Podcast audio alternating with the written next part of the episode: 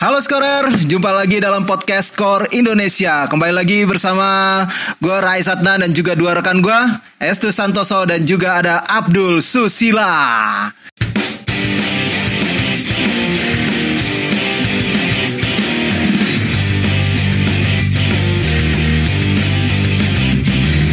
Apa kabar teman-teman berdua? Kita udah jeda berapa ya? Satu pekan ya? Nggak nggak podcastan ya? Ya, Iya. Lumayan. Hari ini ketika podcast dibikin 21 November 2020 kita sedang berkabung sih sebenarnya. Walaupun kita nggak ngomongin soal berkabung itu tapi paling tidak selamat mencetak gol di surganya Allah buat Om Ricky Yakobi. benar. Saya bener-bener patah hati hari ini. Bener-bener patah hati ketika mendapatkan kabar itu. Bener-bener patah hati. Ya, kita kaget ya dengan meninggalnya Om Ricky ya. Om Ricky Yakobi adalah salah satu striker legendaris timnas Indonesia. Meninggal eh, Sabtu pagi ya saat bermain sepak bola terkena serangan jantung ya. Diduga terkena serangan jantung katanya. Abis cetak gol katanya. Abis cetak gol indah. Ini benar-benar cukup mengharukan juga. Beliau wafat di mana tempat eh, adalah apa ya salah satu tempat yang mungkin dia sukai ya di dunia ini yaitu lapangan sepak bola gitu dan di saat-saat dia melakukan kegiatan yang salah satunya adalah yang paling dia sukai ya mudah-mudahan beliau khusus khotimah uh, diampuni segala dosa-dosanya dan ditempatkan di surganya Allah ya amin Amin amin. Oke, eh, kali ini eh, kita belum akan membahas tentang sosok Om Ricky Yakobi yang memang eh, sangat luar biasa, fenomenal. Tapi ada hal yang juga tidak kalah fenomenalnya saat ini adalah terkait dengan situasi sepak bola nasional, yaitu terkait eh, banyaknya sepak bola tarkam yang bisa berjalan, tapi sepak bola resmi justru tidak bisa berjalan. Ini sebuah fenomena yang menarik ya. Eh, Sepak bola Tarkam bisa bermain di beberapa tempat gitu. Salah satunya mungkin kemarin juga yang terakhir yang disoroti adalah yang di Ternate ya, kalau nggak salah ya. Di Ternate itu sempat jadi sorotan ada ada penonton kalau nggak salah ada digelar sebuah turnamen at- atau sebuah eh, laga Tarkam gitu. Nah, terus eh, sekarang lebih banyak eh, para pelaku sepak bola mengisi kegiatan selain dengan Tarkam, tapi ada juga eh, fun match ya kayak gitu-gitu ya. Ini sebuah fenomena yang menarik sih menurut gua Mas Es.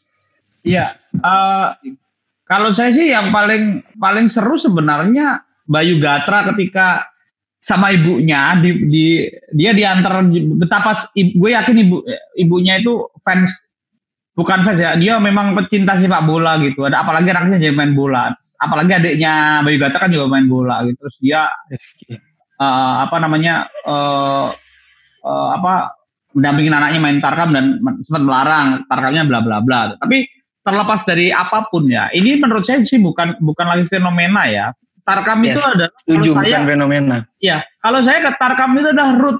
Tar- tarkam itu adalah root. Jadi kayak kalau sepak bola Indonesia itu ya nenek moyangnya tarkam gitu. Eh, sebelum ada namanya klub bola sebelum ada namanya eh, kestrukturan yang ter yang jelas seperti ini menurut saya tarkam adalah bagian dari hal yang penting. Dan sebenarnya nggak terlalu jauh menarik menarik ke belakang.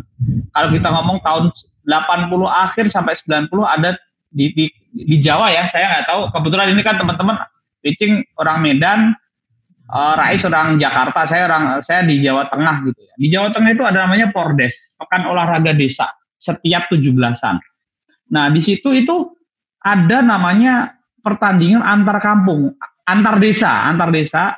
Misalnya kampung A saya kampung A pitching kampung B Rais kampung C gitu.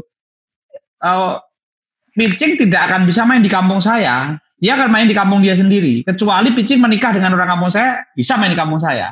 Tapi ada aturan yang baku bahwa KTPA di tim A dan itu sebenarnya menghasilkan banyak orang. Nah, saya pernah dapat dengar cerita dari Om Bob Hippie.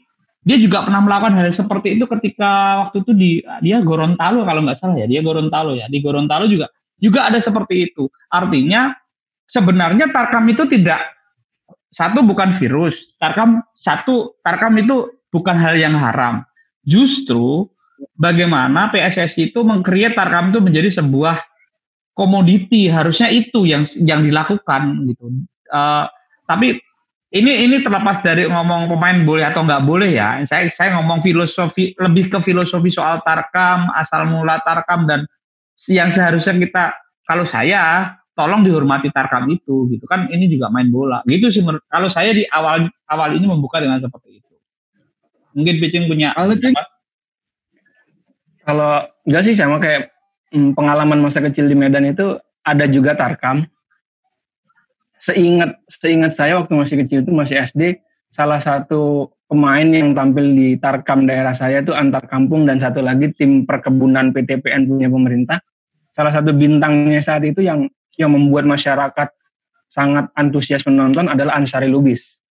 Wah, itu dia. Almarhum ya, almarhum yang dari emang dari Medan yang saat itu. Ansari Lubis belum cing, Jurkanain Lubis yang yang almarhum. Oh, belum ya. Zulkarnain Lubis ya.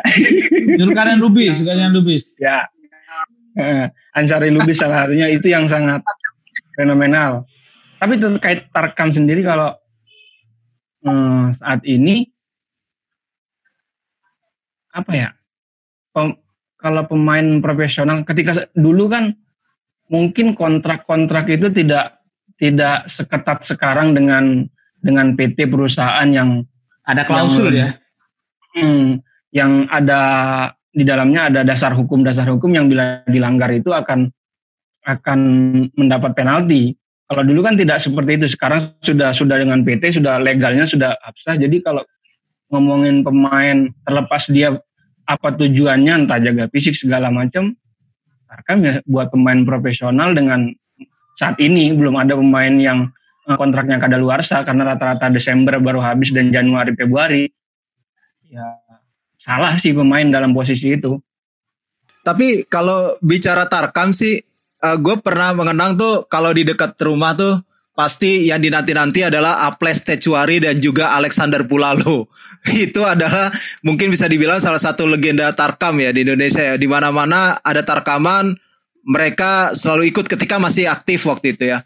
Uh, ya udah mulai-mulai masa ini sih menurun tapi mereka yang ikut membawa para pemain nasional bermain uh, apa namanya mengajak itu Tarkam di sebuah daerah salah satunya adalah daerah gue gue ingat waktu itu Alex sama sama Aples tuh bawa siapa ya salah satunya mungkin uh, pernah dibawa tuh Kurniawan kalau gue nggak salah tuh pernah main di dekat rumah dan itu gue ngeli dan itu memang benar-benar rame banget rame banget. Selain itu ada Iman De Pasek Wijaya itu ya. Ya pemain-pemain yang kayak gitu tuh, pemain-pemain senior itu, pemain legenda itu ikut main dan itu ikut uh, memang menjadi salah satu daya tarik ya untuk sebuah uh, tarkaman apalagi pemain-pemain nasional ya levelnya gitu.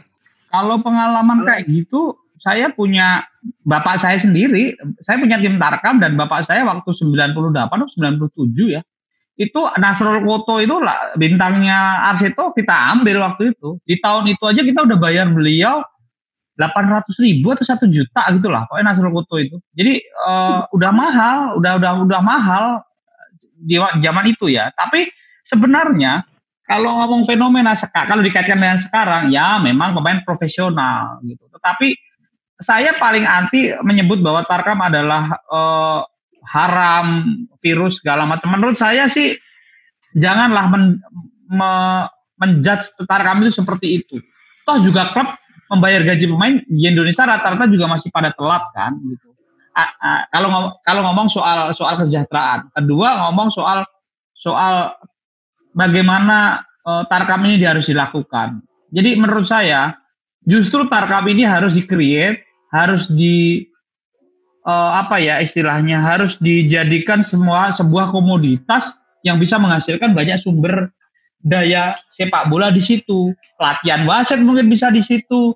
Uh, apa namanya pemain-pemain yang yang uh, yang lagi free bisa ngajarin yang lain. Gitu-gitu sih menurut saya sih harus dimanfaatkan dengan hal, -hal kayak gitu. Kalau saya ya kalau gue sih malah nanggapnya gini mas kalau tarkam itu yang lahir dari akar rumput di create uh, untuk saat, kondisi saat ini ya COVID saat ini uh, di dengan sedemikian rupa itu akan terbentur lagi dengan perizinan. Kenapa Tarkam bisa hidup uh, pada saat COVID sekarang ini di mana event-event olahraga lainnya tidak diperbolehkan karena Tarkam tidak diorganisir secara hmm. masif di mana harus memberikan izin dan segala macam. Tapi ketika ketika itu sudah di-create, itu di, dikemas dengan sedemikian rupa dengan panitia yang lebih segala macam dengan izin karena di situ menyangkut banyak masa itu akan terbentur. Tarkam akan akan dilarang otomatis. Tapi karena ini lahir dari akar rumput yang yang begitu begitu tanpa harus melewati regulasi yang ada itu bisa jalan. Dan terus lagi kalau uh, soal kontrak dengan segala macam situasi lah dengan segala macam situasi sekarang pemain klub masih menunggak itu kan dari konsekuensi dari dari sebuah situasi yang itu uh, disepakati atau tidak oleh pemain harus dijalanin, harus diterima dengan lapang dada. Semuanya juga saat untuk saat ini menerima situasi yang ada dan ketika pemain mulai melantangkan diri untuk tampil di Tarkam menurut gue itu sebuah tindakan yang dalam tanda kutip mungkin melacur buat pemain hmm. profesional. Kita bisa bisa lihat misalkan beberapa pemain seperti pemain asing lah Mark Kok, Ilija Spasojevic dia tidak tidak tidak ambil bagian dalam tarkam kecuali dalam hanya pertandingan-pertandingan yang itu sifatnya fun match yang fun match itu juga tidak tidak dikreat dengan waktu lama yang itu diumumkan di media sosial di sosial tiba-tiba ada aja pertandingannya gitu itu lebih di, di, di lokasi yang lebih bagus tapi kalau tarkam itu kan pertandingannya di kampung lapangannya sedemikian rupa ada tensi di dalamnya karena uh, karena melibatkan unsur kedaerahan, un, unsur kekampungannya gitu. Misalnya dari kampung ini kampung ini itu melibatkan masa yang yang fanatik juga yang itu dan itu yang sangat beresiko dari lapangannya. Ketika kayak yang di alam Bayu Gatra terjadi keributan dan akhirnya ibunya memaksa anaknya pulang ketika terjadi keributan. Hal yang seperti ini kan sangat apa ya ya memalukan tapi nggak memalukan juga sih bagi sepak bola kita gitu loh. Ya ya ya memang di tengah kondisi yang ada uh, Tarkam itu sebenarnya menjadi sebuah oase ya atau solusi ya sebenarnya untuk ya dapur tetap ngebul kan bagi pemain. Ah kalau gue boleh tahu, lo berdua tahu nggak kisaran untuk sekarang pemain nih kalau dibayar Tarkam tuh berapa? Mungkin pernah ngobrol-ngobrol? Di level pemain biasa mungkin kisarannya kalau sekali main cepet 200 gitu. Tapi kalau udah levelnya klub biasanya gope tuh setahu gue tuh. Kalau udah timnas beda lagi tuh. Kalau pemain timnas kan bisa sampai sejuta, satu setengah gitu ya. Ada satu ada satu tim di di Tangsel itu dia punya pemain yang sama. Jadi dia kayak kontrak. Jadi memang dia tim Tarkam. Ini semacam kayak Pardi Detek sebenarnya. Eh bukan, Harimau Tapanuli yang di-create menjadi sebuah tim yang main ke mana-mana tapi dia ikut kompetisi pro. Zaman dulu itu ada. Ada klub uh, gue lah gak lupa namanya. Kalau nggak salah itu Dennis FC itu juara di mana-mana di Tangsel. Itu pemainnya sama. Itu pemain sama dan ada bekas pemain Liga 2 gitu-gitu. Tapi udah bekas pemainnya dia udah nggak main di klub. Nah uh, gue sepakat dengan Icing tadi. Tapi maksud gue yang yang gue gue gak setuju dengan pengkul apa ya uh, Tarkam dianggap sebagai virus segala macam itu adalah Tarkam ini sebenarnya nggak nggak jorok-jorok amat kok gitu. Cuma yang pemain profesional juga memang harus menghormati kontraknya. Tetapi jangan mengesankan bahwa Tarkam itu uh, apa ya negatif segala macam. Nah sekarang yang beredar di kalangan luas ada Tarkam negatif. Menurut saya kan gini, ada ada satu ada satu dua hal yang yang contoh ya, yang yang kayak Yaya Sukawi mengatakan bahwa saya akan mencarikan klub untuk terekam gitu. Terus Sudi Widodo ya bolehlah silakan tapi cedera tanggung sendiri. Nah ini balik lagi sebenarnya kepada ke pemain. Tetapi dengan kondisi seperti ini seharusnya ada hal yang yang yang gini ya, yang yang yang jelas dan uh, apa ya? Tarkam itu harus jadi ini loh, dijadiin kayak kayak bahan riset entah itu oleh APPI atau oleh PSSI atau oleh apa oke kalian ber, ber, berdiri bermain ber, melakukan sesuatu kegiatan di luar konteks kegiatan kita. Tetapi ada hal-hal yang diperhatikan ada hal-hal fenomena yang diperhatikan segala macam. Karena memang uh, di luar Jakarta ya di luar Jakarta di Tangsel aja nih udah beberapa entah tarkam atau apa ya kayak Corveo, ada Trofeo gitu-gitu sudah ada sekarang. Memang bukan bukan turnamen yang 16 tim, 32 tim, tapi empat tim, lima tim itu kayak bertanding. Tapi ya dan kebetulan di beberapa lapangan yang cukup bagus. Gitu. Tapi balik lagi sih, kalau saya sih menekankan bahwa pemain pro harus tahu koridor. tetapi Tarkam juga jangan dijadikan uh, semacam uh, ini virus gitu, ini bukan virus gitu, ini bagian root dari kita gitu sih kalau saya sih itu. Jadi dan kita sadarkan 2005 juga 2015 juga hal ini kan booming banget. Ini, kalau ini pandemi 2015 itu benar-benar izin ada. Nah, maksud saya itu sih yang yang yang harus dibedakan lah. Main pro oke okay, dilarang koridornya, tetapi tarkam bukan hal yang virus gitu. Dan ini menurut saya sih yang harus di di ini apalagi musim pilkada nih wah ini calon-calon nah ini banyak banyak sekali. Itu seperti itu sih menurut gue. Dan lumayan lah duitnya lumayan lah. Tapi memang ya yang yang menarik tuh di Tarkam tuh hadiahnya sih nggak besar ya. Paling kadang-kadang malah juaranya malah dikasih kambing doang ya. Ya uh, Cing mungkin Cing punya punya komentar soal uh, soal lanjut lanjut lanjut. next next next Tarkam ini harusnya seperti apa gitu. Sebuah marwah dari buat sepak bola kita sebenarnya kan Tarkam itu. Di akar rumput itu sangat dinamis terjadi. Yang menjadi perbincangan publik kan pemain sepak bola profesional terutama yang level timnas. Apa ya menjatuhkan dirinya sendiri walaupun ya pemain bisa melakukan pembelaan dan itu sangat sah dilakukan oleh pemain. Tetapi uh, misalkan ada banyak beragam cara beberapa uh, untuk pemain-pemain yang punya agen ketika uh, kompetisi kita tidak punya mereka latihan bersama mereka bertanding dengan sesama pemain di daerahnya.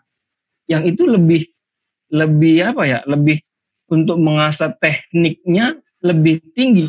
Tapi kalau di Tarkam ya kita nggak tahu. Beberapa pemain di Tarkam kan ya keukur lah kualitasnya. Misalkan uh, pemain timnas selevel timnas itu main di Tarkam lawannya antar kampung lawan gue ikut tim lawan tim gue yang bukan timnas.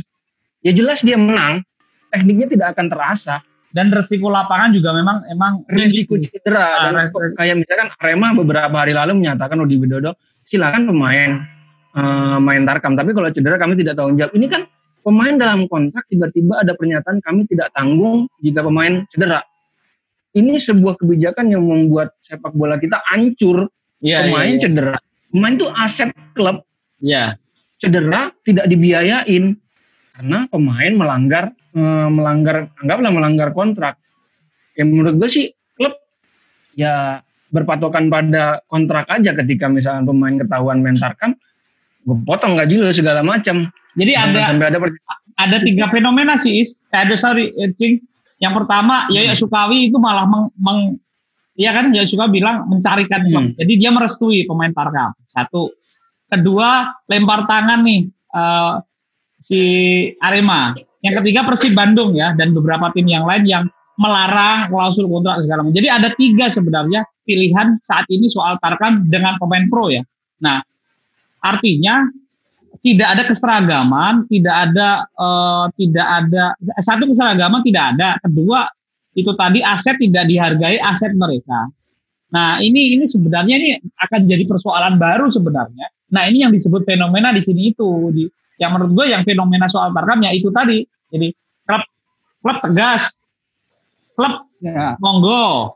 Tapi yang ketiga klub monggo tapi nggak tanggung jawab. Nah ini yang lebih ngeri sebenarnya itu. Ya, gitu. Kalau hmm. kalau klub ya, monggo pasti dia menghitung resikonya. Ini saya nggak saya nggak membenarkan pendapat si A si B ya, tapi ada tiga fenomena itu yang terjadi saat ini soal Tarkam dan pemain pro di Liga, Liga Indonesia. Artinya itu ini fenomena ini yang ada yang berbahaya dan ada yang sangat berbahaya dan ada yang safe. Gitu. Nah itu sih menurut gue yang yang perlu dicermati dari fenomena Tarkam saat ini gitu. Oke pendapat gue yang di awal-awal tadi kan overall soal Tarkam ya. Tapi yang lebih spesifik ke pemain ya itu tadi. Klub tegas, no, klub yes, tapi yang satu klub yes tapi nggak tahu jawab. Nah itu kan ini ini ini menarik nih, ini menarik sih sebenarnya dari tiga tiga tiga kebijakan ini. Dan publik bisa menilai sendiri uh, bagaimana kebijakan-kebijakan ini gitu sih. Pendukung klub juga bisa menunjuk kebijakan sendiri. Oh ya, tambah satu, oh tambah satu lagi. Uh, ini lebih kepada yang tengah yang kayak Mas Yaya Usukawi ini manajer Persis Solo, Pak Ari Purnomo. Dia mengatakan silakan Tarkam karena Tarkam menjaga imun segala macam. Jadi ada ada kebijakan yang hampir sama tuh silahkan. Tapi dia tidak ngomong ya soal resiko segala macam halnya ngomong bahwa ini bisa menjaga imun, menambah uang saku segala macam kayak gitu. Jadi menurut saya ini fenomenanya justru di tiga hal ini sih menurut saya. Kebiasaan di kita itu tidak apa ya, ya mudah melanggar melanggar aturan yang telah ditetapkan bersama. Ya klub melanggar dengan aturan yang dia bikin dalam kontrak, pemain juga tidak menghormati kontraknya yang ada. Itu sih yang terjadi dan ya di segala lapisan itu terjadi tidak tidak disiplin dengan hal-hal yang telah ditetapkan dan disetujui. Itu yang menjadi persoalan. Iya, persoalan lainnya sih juga kalau menurut gua apa namanya?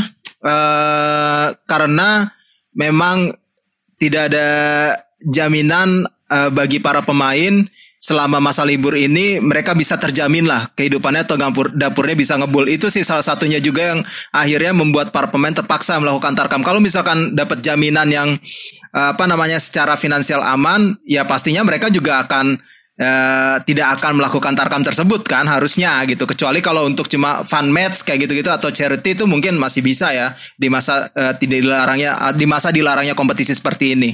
Tapi memang kita nggak nggak bisa mengeneralisir ya individu kebutuhan setiap pemain berbeda-beda. Yes. Tapi kalau saya melihatnya sih uh, ketika dalam kondisi seperti ini pemain juga walaupun ada lah beberapa klub hmm, yang tidak perlu disebutkan namanya yang memang sangat kecil membayarnya walaupun disepakati 25% tapi ada yang cuma ya 2 juta dapatnya sebulan. Tapi apa ya? Hanya dalam beberapa ya, uh, November Desember lah. Anggaplah November Desember ini November lah. Karena Desember eh November Desember karena Januari mungkin klub akan mulai berlatih lagi. Dua bulan menjadi penonton yang baik apa salahnya sih? Itu menurut saya. Tapi kan gue nggak kalau misalkan ya, kita ke dapur tetap ngebul. Gue yakin sih pemain profesional di Liga 1 semuanya nggak ada yang nggak ngebul dapurnya lah. Iya, sepakat. Walaupun kebutuhan kebutuhan mereka gue nggak ya, bisa ya. menjelasir. Oh, benar-benar. Kita nggak bisa nahan Kalau makan mereka. sih pasti aman. Ya, nggak bisa nahan nafsu mereka berbelanja dan lain sebagainya. Tapi balik lagi ya, uh, ini kan menjadi masalah besar sebenarnya. Pemain ini kan sebenarnya tugas besar asosiasi atau apa pun itulah bagaimana me membuat pemain ini menyiapkan karena gini ya ketika pemain ini ini kan katanya kita menuju industri. Sepak SSB akademi segala macam itu adalah pabrik. Bagaimana pabrik itu menciptakan pemain-pemain ini tidak hanya sebagai atlet tapi menjaga seorang se, seorang apa ya profesional gitu.